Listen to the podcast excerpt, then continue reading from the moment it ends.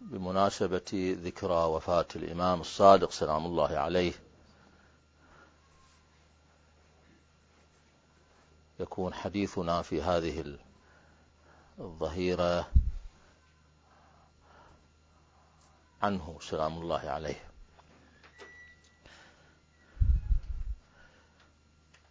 الإمام الصادق سلام الله عليه هو مؤسس الشيعة الذين عرفوا بالجعفرية.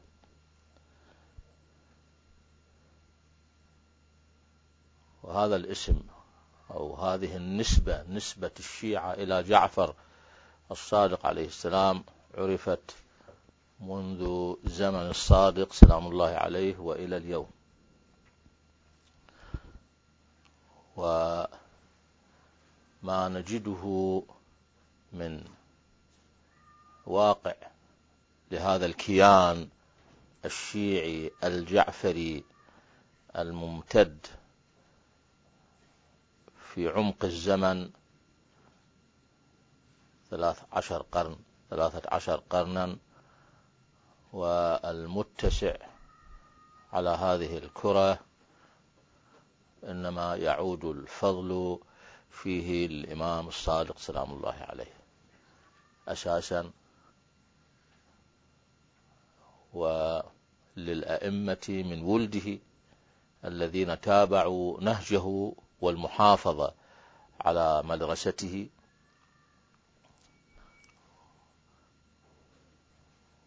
وأيضا للعلماء الذين تربوا على يد الإمام الصادق والأئمة سلام الله عليهم حيث كانوا أداة أو كانوا أدوات للإمام الصادق سلام الله عليه والأئمة من ولده في الحركة الاجتماعية في زمانهم أو في المحافظة على هذا التراث وهذا الكيان في عصر الغيبة إلى اليوم. لماذا نسب هذا الكيان إلى الصادق سلام الله عليه؟ وأساسا التشيع لعلي سلام الله عليه. الشيعة شيعة علي سلام الله عليه. وحينما يقال شيعة في العالم إنما هم شيعة علي. عماد عقيدتهم علي سلام الله عليه حيث افترق المسلمون إلى مدرستين الأولى ترفع من علي عليه السلام شعارا إلى رسول الله صلى الله عليه وآله. والثانية ترفع أبا بكر ثم عمر شعارا وطريقا إلى رسول الله صلى الله عليه وآله. هذه حقيقة قائمة. يعني حينما آه، نأخذ أي مسلم اليوم من أي بقعة فيصنف إلى أحد هذين الصنفين. مسلم معنى مسلم أنه يعتقد بنبوة محمد صلى الله عليه وآله وأنه خاتم الأنبياء. وأن الطريق إلى الله تعالى هو محمد صلى الله عليه وآله. فالمسلم الذي يشهد بالتوحيد ثم بعد ذلك يعترف بمحمد صلى الله عليه وآله طريقا إلى عبادة الله في عبادة الله وإلى قانون الله وشريعته فهو مسلم آه، بالاصطلاح. واليوم تقريبا مليار مسلم أو أكثر من مليار مسلم يوجد على ظهر هذه الأرض. هؤلاء المسلمون انقسموا إلى قسمين. بلحاظ الطريق إلى رسول الله صلى الله عليه وآله. وذلك لأن رسول الله صلى الله عليه وآله آه، هو آه، تراث إلهي. هو سيرة وقول فعل يضاف إلى كتاب الله. الإسلام كتاب عبارة المعرفة الإسلامية عبارة عن كتاب الله وسنة نبيه. نحن لا نستطيع أن نفهم تفاصيل دين الله الذي ضمنه كتابه القرآن الكريم إلا من خلال سنة نبيه. تراث. السنة عبارة عن قول النبي فعل النبي تقرير النبي. فهذا تراث. فالنبي تراث.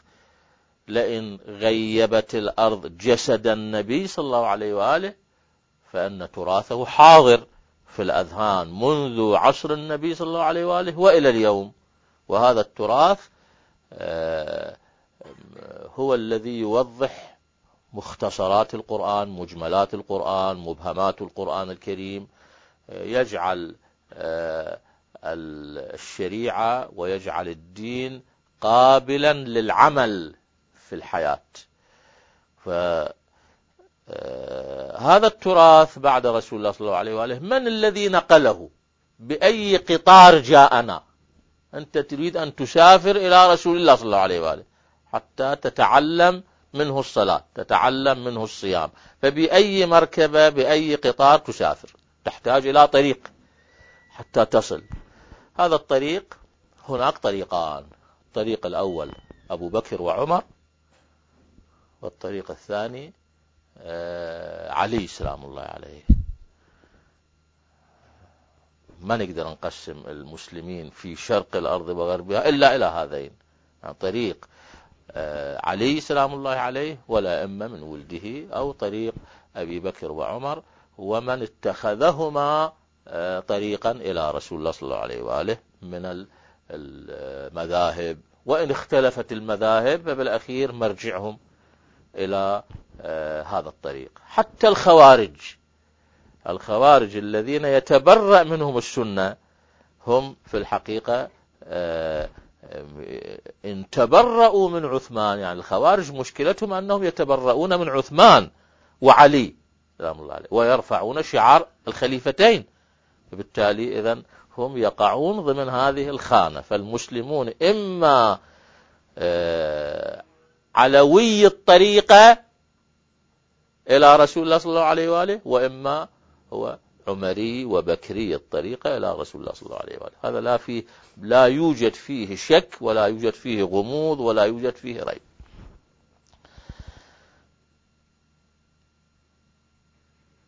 حين نقرأ في السقيفة أخبار السقيفة من أوثق مصادرها. يعني الإنسان حينما يتحدث عن حدث لابد أن يتحدث عن من أوثق مصادره. فمثلا تريد أن تتحدث عن السقيفة. عن سقيفة السقيفة هي آه، ديوانية كان يجتمع تابعة لسعد بن عبادة رئيس الأنصار واجتمعوا فيها بعد وفاة النبي صلى الله عليه وآله يتداولون أمر السلطة أو أمر الخلافة. والتحق بهم أبو بكر وعمر وأبو عبيدة. حينما نريد أن نتحدث عن هذا الحدث لابد أن نتحدث آه، بأوثق من أوثق المصادر. أوثق المصادر عند السنة على الإطلاق هي الصحاح. كتب اسمها الصحاح. وأشهرها وأعرفها صحيح البخاري. في صحيح البخاري الرواية عن عمر بن الخطاب هو يتحدث عن السقيفة ولا يوجد شاهد عيان أفضل من عمر وهو فاعل في ذلك الحدث. شاهد عيان وفاعل مؤثر شخصية مؤثرة. وهذه الرواية يرويها البخاري في صحيحه ويرويها مسند بن حنبل في أحمد بن حنبل في مسنده وكل المصنفات والصحاح الأخرى الموجودة. فإذا نحن نروي أو نتحدث عن شيء عن السقيفة من أوثق المصادر عند هؤلاء القوم وعن لسان آه، عمر الذي هو يشكل آه، أحد حجري الطريق لأنه الطريق عندهم عبارة عن أبي بكر وعمر في الحقيقة. هو يقول يقول كان من خبرنا بعد وفاة رسول الله صلى الله عليه وآله كذا وكذا إلى أن يقول آه، طبعا ليش تكلم تكلم آه، في خلافته لما سمع أحدهم يقول إما الزبير وإما شخص آخر قال لئن مات عمر بايعنا عليا عليه السلام. إن بيعة أبي بكر كانت فلتة. فلتة يعني شغلة غير محكمة تنطوي على الشر. هاي باللغة. الفلتان واضح إلى اليوم هم نعرف. يقول البلد فيه فلتان. شو المعنى يعني معناه ينطوي على الشر. آه، هو يقول عمر يقول ألا وإنها كانت كذلك. إن أحدكم يقول إن بيعة أبي بكر كانت فلتة ألا وإنها كانت كذلك ولكن الله وقى شرها وقى المسلمين شرها. وواضح تعبير. إذا فلتة يعني الشر بها الشر فلتان الفلتان والفلتة في اللغة المفلت إلى الشر يعني طريق يقودك إلى الشر. هذا واضح. إذا هذا الاجتماع بهذه الطريقة ما يعكس حكم شرعي ما يعكس إسلام يعكس فالتصرف من جماعة معينة. هذا ممكن يفهم الإنسان. هذا أول ما يفهمه. لأنه قاعد يقال أن هذا فلتة. هذا الأمر فلتة. وقى الله تعالى شرها. والمسلمين شرها. لا نريد أن ندخل في هذا الموضوع. شاهدنا العبارة اللي بعدها. يقول وليس فيكم من تقطع الأعناق إليه كأبي بكر. أولا ليش فلت هذا الأمر؟ فلت لأنه هؤلاء اجتمعوا بهذا العدد أو أكثر أو أقل في سقيفة في ديوانية تناقشوا بينهم تنازعوا كل جماعة عندها رأي. بالأخير جاء أبو, أبو جاء عمر وقال له يا أبو بكر امدد يدك أبايعك بايعه بايعه بايع كم واحد؟ وبقية آخرين ما بايعوا لأنه سعد بن عبادة ما بايع. ما قبل يبايع بعضهم ما قبل يبايع. الآن هذا صار حاكم مال المسلمين جميعا. وخرج من الديوانية بتظاهرة أن هذا حاكم خليفة المسلمين. إذا بهذه الطريقة كل إنسان يجتمعون ويا جماعة ويبايعوه أن هو خليفة المسلمين. وهي فوضى. فلو كان في ذلك الوقت أيضا مكان في اجتماع آخر بهالطريقة كان أكو اثنين. أو ثلاثة أو أربعة بعدين راح يتضاربون بشكل اعتيادي راح واحد يضرب الثاني لأنه الآن خرجوا من من خارج من إلى إلى خارج الديوانية إلى خارج السقيفة يريد يطلبون من كل واحد تعال بايع. بالإكراه بدليل أن علي بن أبي طالب عليه السلام. ماذا صنعوا معه؟ بالإكراه تعال بايع وإلا ما تبايع نقتلك هذه طريقة. وهذه الطريقة تكررت في زمن الشورى السداسية. الشورى السداسية عمر اختار ستة معلومين علي أحدهم أبو بكر آه، عثمان عبد الرحمن بن عوف سعد ابن أبي وقاص وطلحة والزبير ستة. الوصية ماذا كانت؟ قال له القائد عسكري قال له هاي بيدك خمسين واحد اختار. من هؤلاء الأشداء وهذول احصرهم بغرفة. يتفقون ثلاثة ويختلفون ثلاثة فكونوا مع الثلاثة اللي وياهم عبد الرحمن بن عوف. والبقية اشدخ رؤوسهم. إن أبى اثنان واتفق أربعة اشدخ رؤوس الثنين إن أبى واحد فاشدخ رأسه. هو نفس الطريقة إذن. يعني هي واضحة. أيضا هذا في في صحيح البخاري موجود. الرواية عن عن عمرو بن ميمون من الثقات يروي هذه هم في الطبري وفي في في في في البخاري وفي غيره لكن بالتفاصيل مختلفة. ولكن عبارة يا علي بايع وإلا ولا تجعل على نفسك سبيلا. شو المعنى بايع. يعني علي عليه السلام من من حين بويع عثمان قام يريد يطلع بعد. ما له شغل بالجماعة. قالوا له أين؟ بايع. وإلا ولا تجعل على نفسك سبيلا. هذا التعبير هم موجود. فإذا البيع لمجموعة. هو بأي مسوغ يقولوا له تعال بايع وإلا نقتلك ولا تجعل أو نحبسك أو أي شيء آخر بالإكراه. بأي مسوغ. هو نفس الطريقة. مال السقيفة نفسها تماما؟ نفس نفس المنهج. منهج الفلتة. يعني أو منهج الفلتة والإكراه. هنا مو فلتة هنا يعني حصروا ستة في أنه من خلالهم. معروفة هم منه راح يطلع. ما في مجال. ليست شورى. لأنه علي عليه السلام تقطع رقبته ولا يقر فكرة كتاب الله وسيرة الشيخين. ما يقرها تماما؟ كتاب الله وسنة النبي هذا هو المنهج كتاب الله وسنة نبيه. أما الآن الشيء الجديد تعال بايع على كتاب الله وسنة النبي وشنو؟ وسيرة الشيخ علي قال ما بايع ما أريد حكم أخذوا لكم. طيب خل أطلع أنا حر؟ لا. تعال بايع عثمان. إذا ما بايع شو يصير؟ يشدخ رأسه واضح هذا. فاذا الشورى السداسية تستمد قبسها من أين؟ من السقيفة منهج واحد. اذا نعم الفرق أن هذول من عينهم ستة؟ الخليفة عينهم. بما أنه الخليفة يعتبر نفسه مؤسس ويعتبر نفسه صاحب سلطة فعين. واضح. ولكن خلينا نشوف الخليفة الثاني خليفة عمر من, من, من عينه؟ وبوصية من أبي بكر. قال لهم أنا أوصي أن فلان فوضوني أنا راح أعين. هو قالوا له أنت فعين لهم عمر. قام علي طلحة قال له شو تقول لربك؟ هاي رواية بالطبري. ماذا أنت قائل لربك؟ تستخلف علينا فلان. وتعرف أنت؟ تعرفه؟ تعرف خلقه؟ فض! من يقول أمير المؤمنين عليه السلام فصيرها في حوزة خشناء. ماذا أنت قائل؟ قال له أنا تخوفوني. أنا أقول له آه، استخلفت عليهم خير أهلك. شنو هذا التعبير؟ ماذا تريد به هذا التعبير؟ يعني ماذا خير أهلك؟ يعني خير قريش.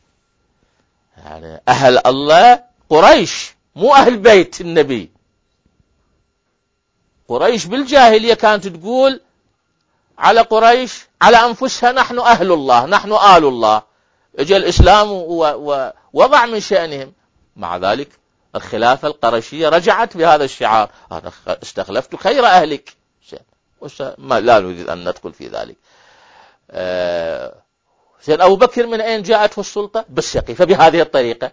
في بيت واحد مجموعة. إيش قد ما يدرسون؟ 150 من فوضكم أمر المسلمين؟ وتوفي النبي صلى الله عليه وآله. أنتم مجتمعين. الأنصار مجتمعين يتدارسون الأمر لأم سمعوا أن قريش الآن كما في الرواية نرجع لأصل الرواية. تقول أن أنهم اجتمعوا لما قام خطيب الأنصار قال يا, يا جماعة يا قريش أيها المهاجرون أو أيها القرشون إحنا إحنا سمعنا أنه أنتم تريدون أن تختزلونا عن أمرنا. يعني واصل الأخبار لهم أنه قريش ما سلمها تريد هي. ولا تريد تسلمها لعلي بن أبي طالب عليه السلام. فذول قاعدوا يدرسون قال لك إحنا هذول قوم قاتلناهم. والآن راح يملكون. وممكن بالأخير يجي الملك إلى إلى إلى بني أمية وهذول يقتلونه. فخلينا نشوف ماذا نصنع. اجتماع. تماما. من مثلهم؟ من فوضهم أمر المسلمين؟ وهذا الإنسان عليه أن يناقش يفكر. أصل القصة أصل النص أصل الرواية لا يناقشون فيها لا يناقش أحد. تعال أنت امسكها اقرأ وتأمل. ولذلك سماها فلتة واعترف وقال لكن آه الحمد لله أن الله جنبنا الشر ولعلمكم هذا الشر ما كان نتجنبه آه، لولا أبو بكر لأنه ماكو مثل أبو بكر بالمسلمين. ليس فيكم من تقطع الأعناق إليه يعني تمد الأعناق. من واحد يمد العنق مالته يعني حاضر لقطع الركبة لقطعه تمد. إذا فد إنسان عظيم مر مثلا بزمن الطاغية مثلا من شان يمر الموكب ماله الناس يسوون. يمد عينه مثلا. هذا مد الأعناق. يعني العظيم الأعناق تمد نحو عظيم. يقولون أنتم ماكو فيكم أحد بمنزلة أبي بكر. ماكو. هذا شو وقت يطرحه؟ أكيد هالكلمة هاي ليس فيكم من تمد الأعناق. هاي مو كلمة بداخل السقيفة. لو كانت بداخل السقيفة لكان قال له شنو الكلام هذا؟ الذي تمد الأعناق إليه علي بن أبي طالب عليه السلام. ماذا تقول؟ لكن هذه يقولها وهو من موقع السلطة. لها حساب آخر. وعقيدته صحيح وعقيدته هكذا. عقيدته. هذه العقيدة العمرية في أبي بكر صارت عقيدة لكل المسلمين. لا مو لكل المسلمين. ربيت عليها مسلمة الفتوح جميعا. هذه العقيدة. تربوا عليها. فمن يدخلون أفواج أفواج إلى إلى الإسلام عندهم محمد صلى الله عليه وآله بعد منه بعد بعد الخلافة بعد تربي أبو بكر ثم عمر. ومن إجا عثمان بعد يربيهم على سيرة الشيخين. فإذا إلى سنة ست 26 للهجرة أو 27 للهجرة حيث فتحت البلاد شرقا وغربا الشام ومصر وأفريقيا بالشرق العراق وإيران وغيرها. هؤلاء المسلمون هؤلاء الذين دخلوا الإسلام ما هي عقيدتهم بالولاية؟ عقيدة أن أن الولاية لله ولرسوله ولأبي بكر وعمر. الواقع هذا. ومن الذي فتح لنا باب جديد وغير العقيدة ورجعها للأصل اللي كانت عليه في زمن رسول الله صلى الله عليه وآله؟ من؟ علي. أما والله لقد تقمصها فلان. شنو؟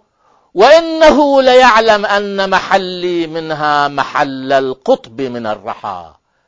لا شنو؟ لا يرقى إلي الطير. شقد ما يريد يصعد؟ يا الذي تمد إليه الأعناق. هاي عقيدة علي بنفسه. يقول أنا هذا.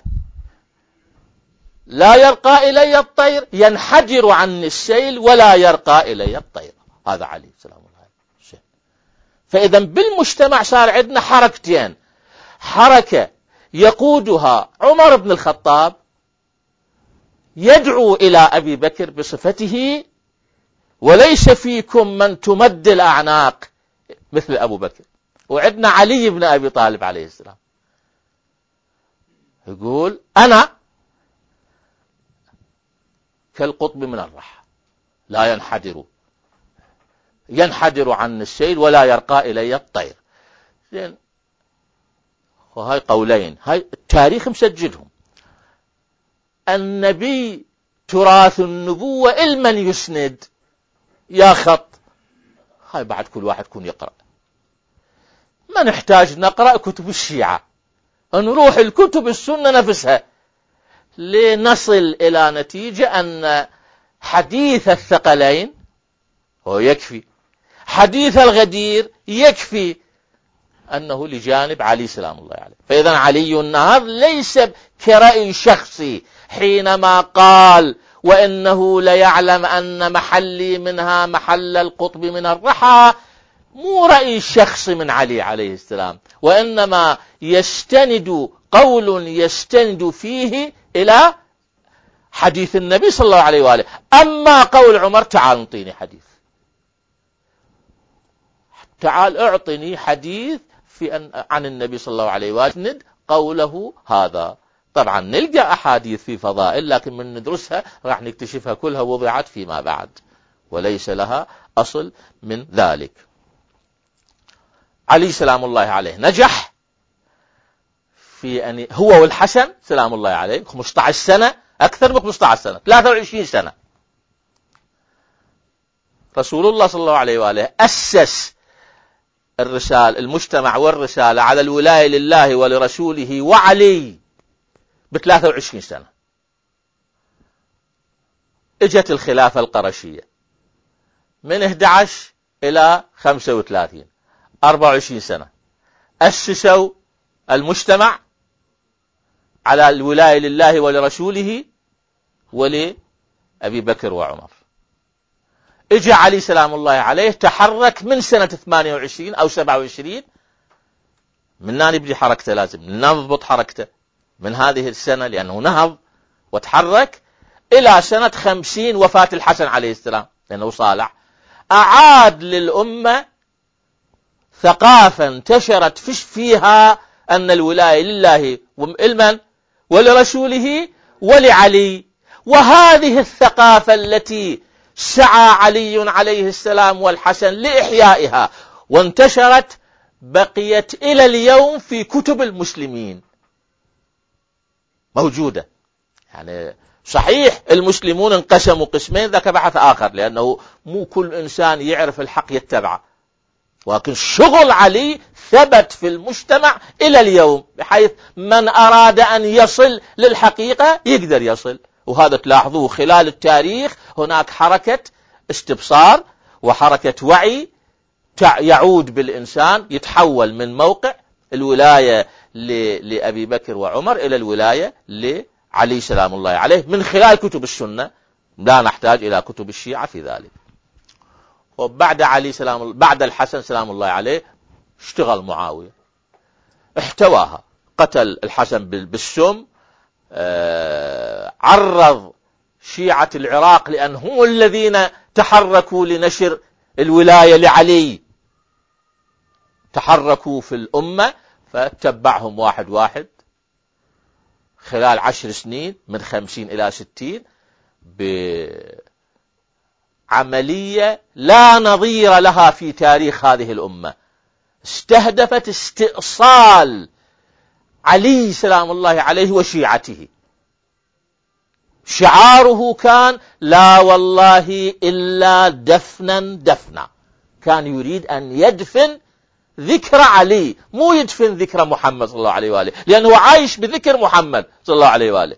وإنما أراد أن أن يدفن ذكر علي سلام الله عليه وليس فقط يدفن ذكر علي وإنما يقرنه باللعن.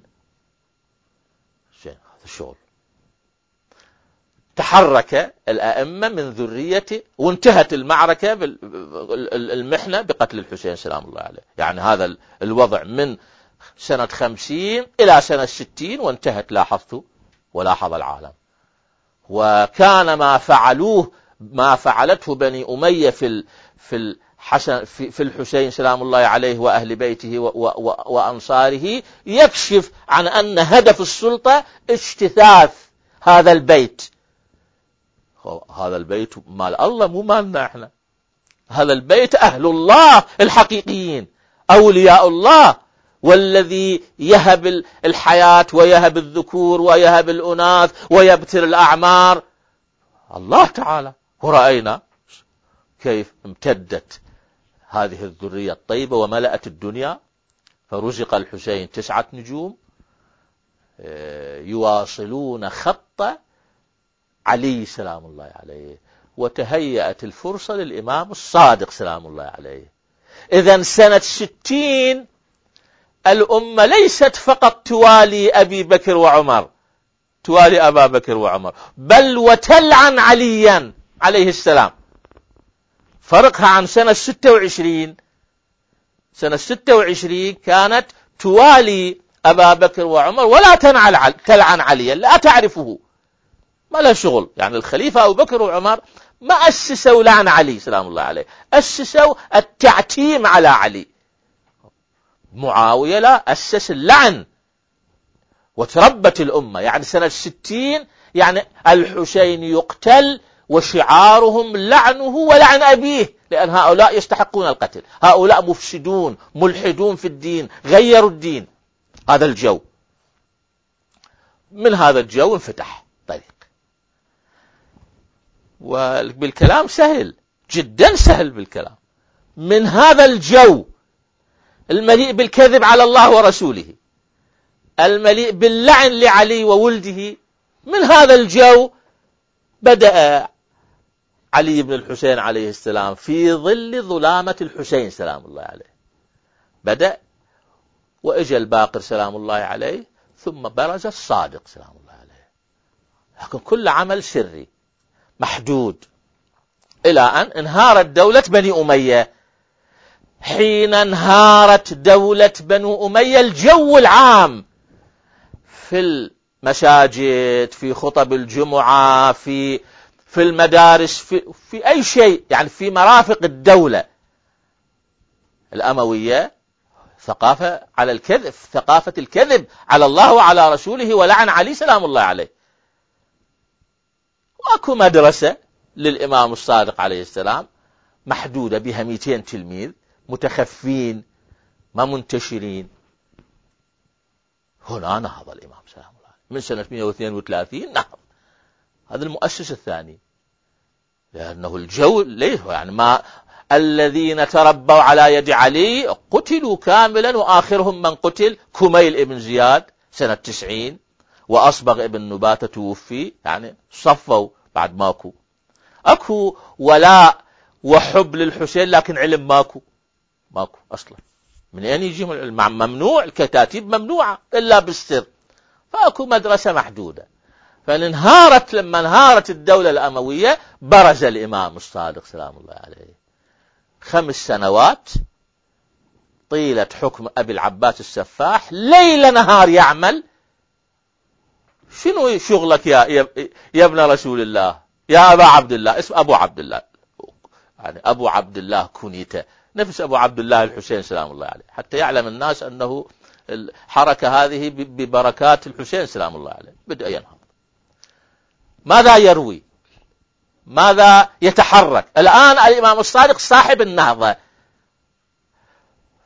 طبعا حدث انهيار الدولة العباسية حدث عظيم جدا. جدا عظيم. آه، أن أن الدولة الأموية انهارت. يعني انهارت أطروحة. وجاءت دولة بني هاشم. في البداية دولة بني هاشم. فإذا الإمام الصادق له آه، الباب مفتوحة أمامه. تامة. انصرف للعلم. صرف للتثقيف. ليل نهار يعمل. ماذا يعطي للناس؟ راح يروي لهم خطب علي بن أبي طالب عليه السلام. 450 خطبة مو فقط زيد ابن وهب الجهني يكتبها خول حسن هم كاتبها عنده موجودة. وتتناقل من عن طريق الأئمة واحد بعد واحد مع الكتب اللي كتبها علي سلام الله عليه. يعني هذا جزء من العلم. فالآن وصلت للإمام الصادق. فالإمام الصادق سلام الله عليه عنده كتب علي سلام الله عليه وما كتبه الحسن من كتب من خطب علي سلام الله عليه وقضاياه موجودة. وما كتبه الإمام السجاد سلام الله عليه من من من هذه الأدعية العظيمة. شيء وما فتقه الإمام الباقر سلام الله عليه من الفقه. الآن كله عند الإمام الصادق سلام الله عليه. هذا هو الثروة الفقهية والفكرية العظيمة عنده.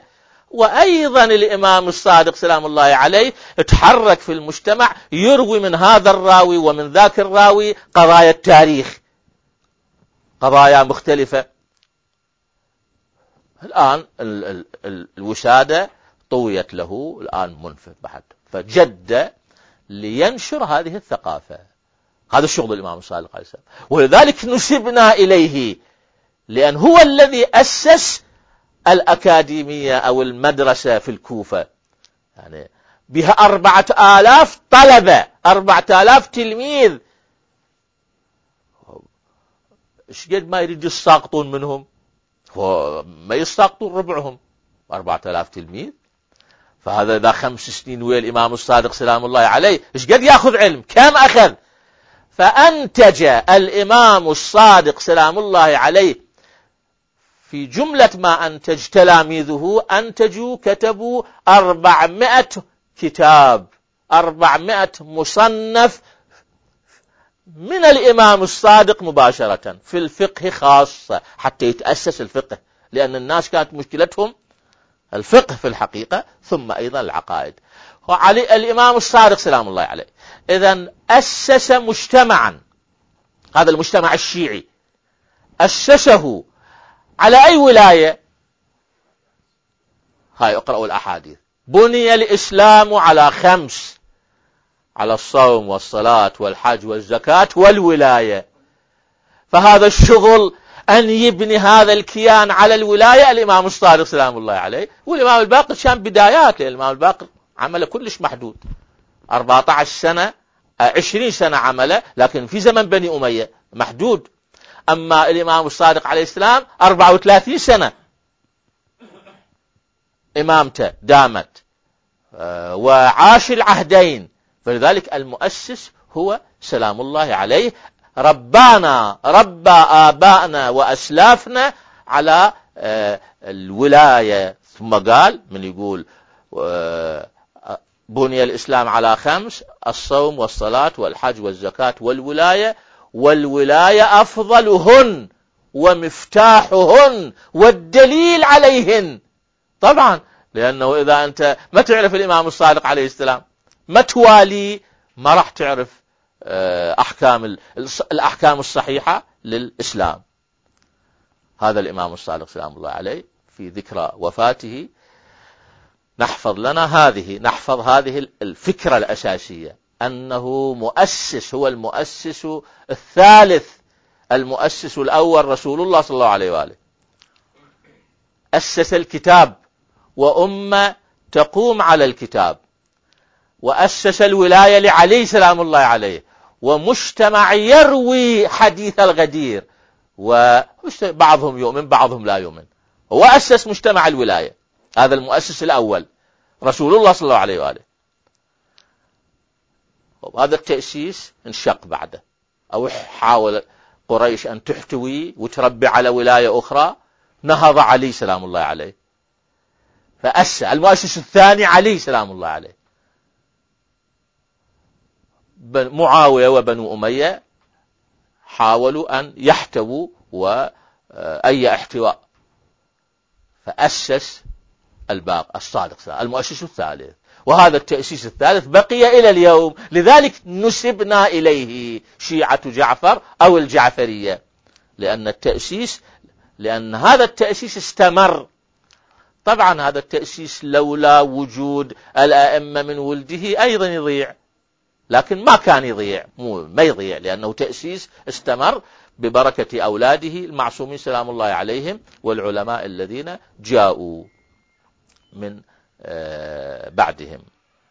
سلام الله عليك يا أبا عبد الله ورزقنا الجد لكي آه، نتعلم علومك التي بثثتها في المجتمع وننصر مدرستك في وقت هي بأمس الحاجة إلى النصرة. والحمد لله رب العالمين والصلاة والسلام على أشرف الأنبياء والمرسلين محمد وآله الطيبين الطاهرين.